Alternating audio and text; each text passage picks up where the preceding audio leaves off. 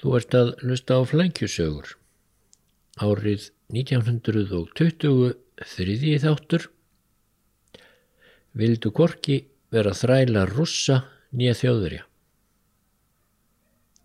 Löndin við Eistarasalt, Eistland, Lettland og Litáin notuðu eins og fleiri lönd, til dæmis Finnland, tækifærið þegar Rúsland var í greipum borgarastyrjaldar eftir fyrir himstyrjald til að lýsa yfir sjálfstæði.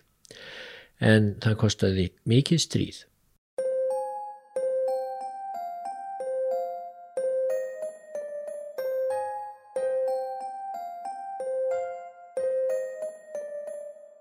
Tartu er borgein, austur í löndum, þar sem nú heitir Eistland. Tartu stendur á bökkum áreinar Ema Jóki sem þýðir móðurfljót á tungu heimamanna. Fyrir hundrað árum eða í byrjun februar 1920 byggu þar aðeins tæplega 50.000 manns. Þetta var þó bísna stöndugur bær sem státaði af næri þryggja aldagömmlum háskóla og snotru bleiku ráðhúsi í nýklassískum stíl með klukkuturni og í þessu ráðhúsi komu saman nokkrir virðulegir herramenn þriðju daginn 3. februar 1920 flestir klættir hefbundnum sparifötum herramanna í þá daga en nokkrir í einkennisbúningum herfóringja. Eftir helst til kuldalegar kveðjur en þó kurtislegar tók við upplestur og ymsum plöggum og papirum.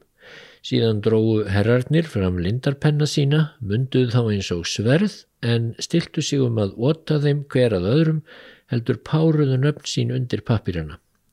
Konur sátu með veggjum og fylgdust með en tóku ekki þátt í að skrifa undir.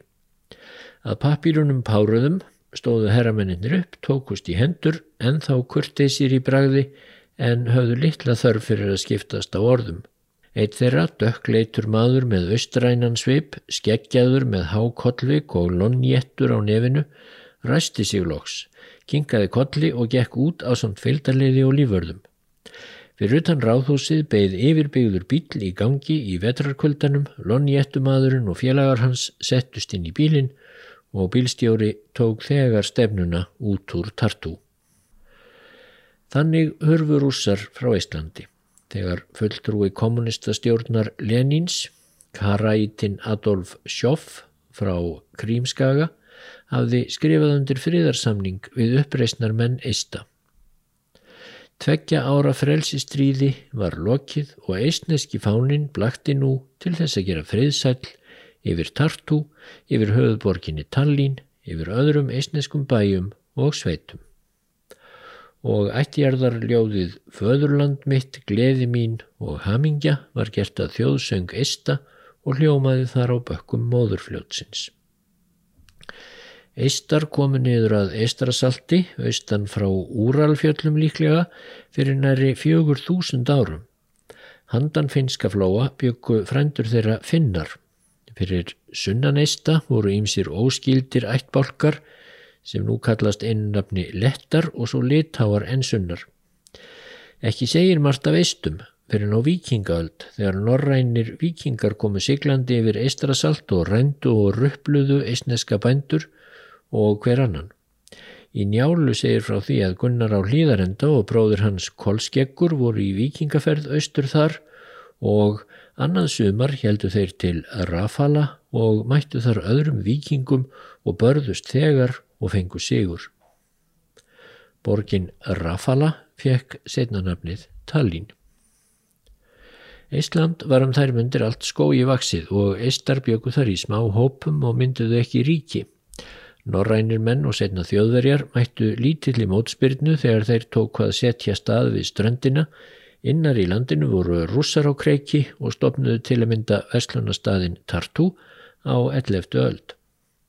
Eistar sjálfur voru að mestu leiksoppar voldugra útlendinga þegar þeir streyttust á móti, söpnuðu útlendingar liði og frækt er til dæmis að í upphafi 13. aldar snýrust eistar öndverðir gegn tilraunum útlenskra kaupskaparmanna og krossfara til að færa þeim Jésúm Krist á sverðsóttum. Þá kom til orustu nálagt Tallinn og hinnir heðnu eistar virtust ætlað að hafa sigur þegar Guð skarst í leikin og varpaði af himnum ofan rauðkvítum fána með krossi handa leiðtoga útlendingana. Sá var Danakongurinn Valdimar Annar og snerist nú stríðskefan og Valdimar var svo þakklátur Guði fyrir þennan sigur og eistum að hann gerði fánan sem hann fekk af himnum að dönskum ríkisfána, Dannebrók.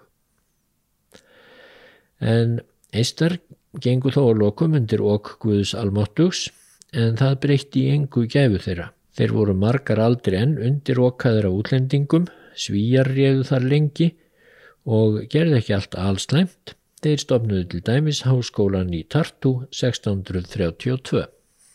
Örlög næstu nágranna eista í söðri, letta, voru svipuð, sænskir herragarðsegundur, þýskir kaupmenn, hinn er innfættu næstum á stíi þræla.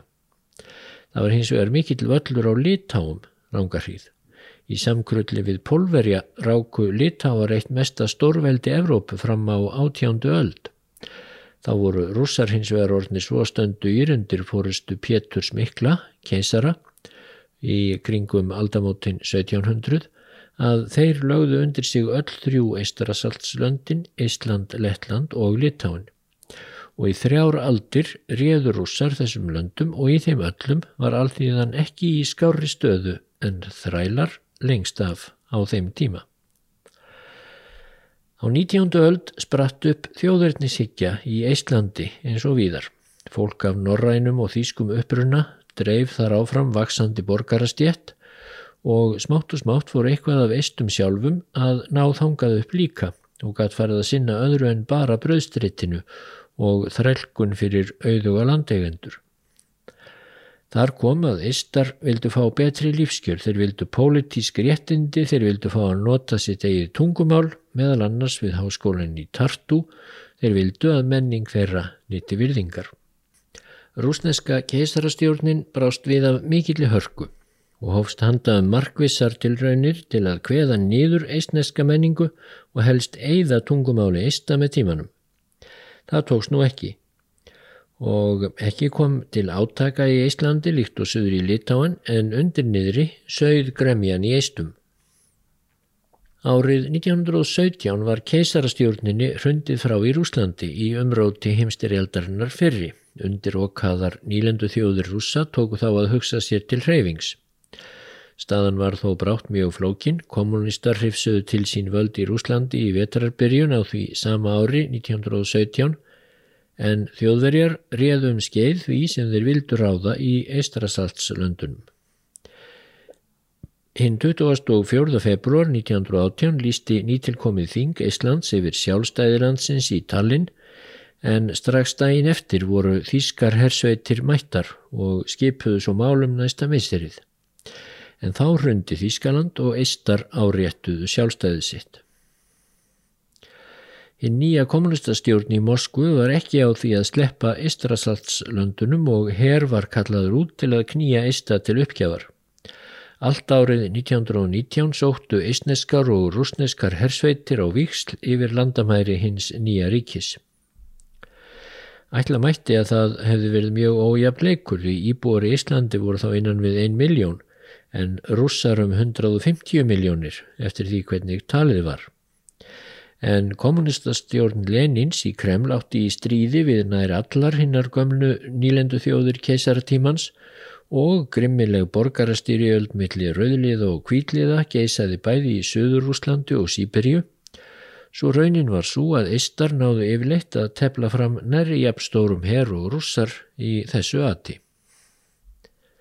Þá nötu eistarstuðnings breska flottans sem skaut úr fallbissum sínum á heri rauðliða upp af ströndum finskaflóa og eisneski herin nöyt líka stuðnings kvítliðahers sem hinn afturhaldsami herfóringi Júdenich stýrði.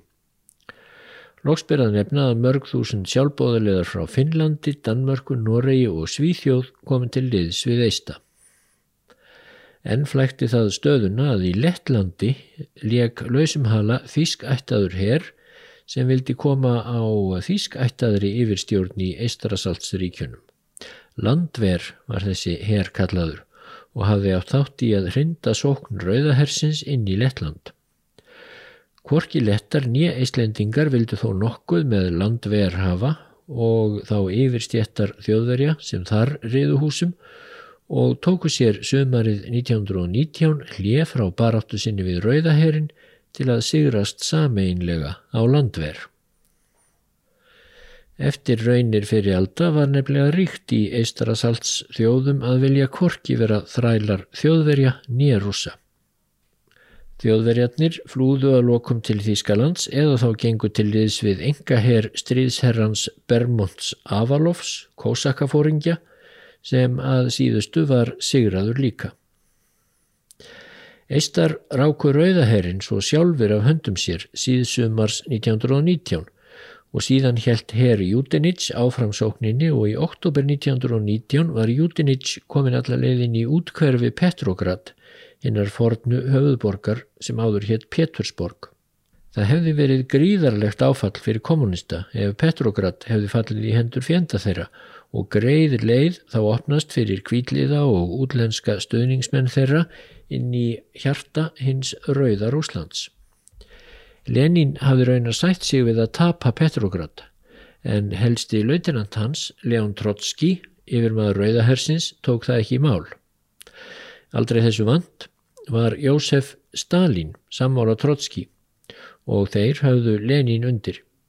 Trotsky brunaði til Petrograd og náði að stöðva Judenich þegar kvíliða sveitirnar voru aðeins 15 kílometra frá vetrarhöllinni í borginni. Þegar Júdenits varðum síður að hörfa tilbaka til Íslands, þá brá svo við að Ístar snýru baki við honum og leistu upp herdilt hans. Þeir höfðu engan áhuga að taka Petrograd eða viðhalda stríði við rússa, heldur vilduður bara viðurkenningu á sjálfstæði sínu. Júdenits og nótar hans í herleiði kvítliða hafðu reyndar síður en svo nokkurn áhuga á sjálfstæði Íslands þvert á móti.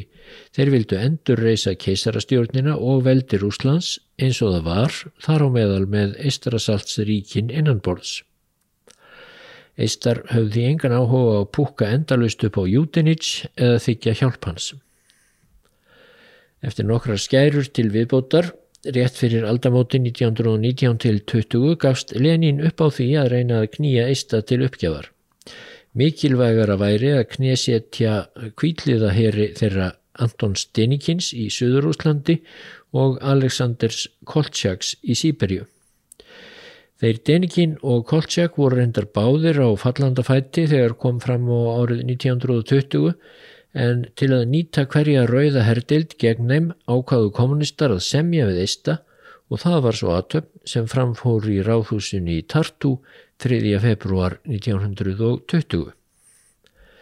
Eftir að Adolf Schoffe var horfin á braud blasti við eistum það erfiða verkefni að reysa ríkisitt úr rústum.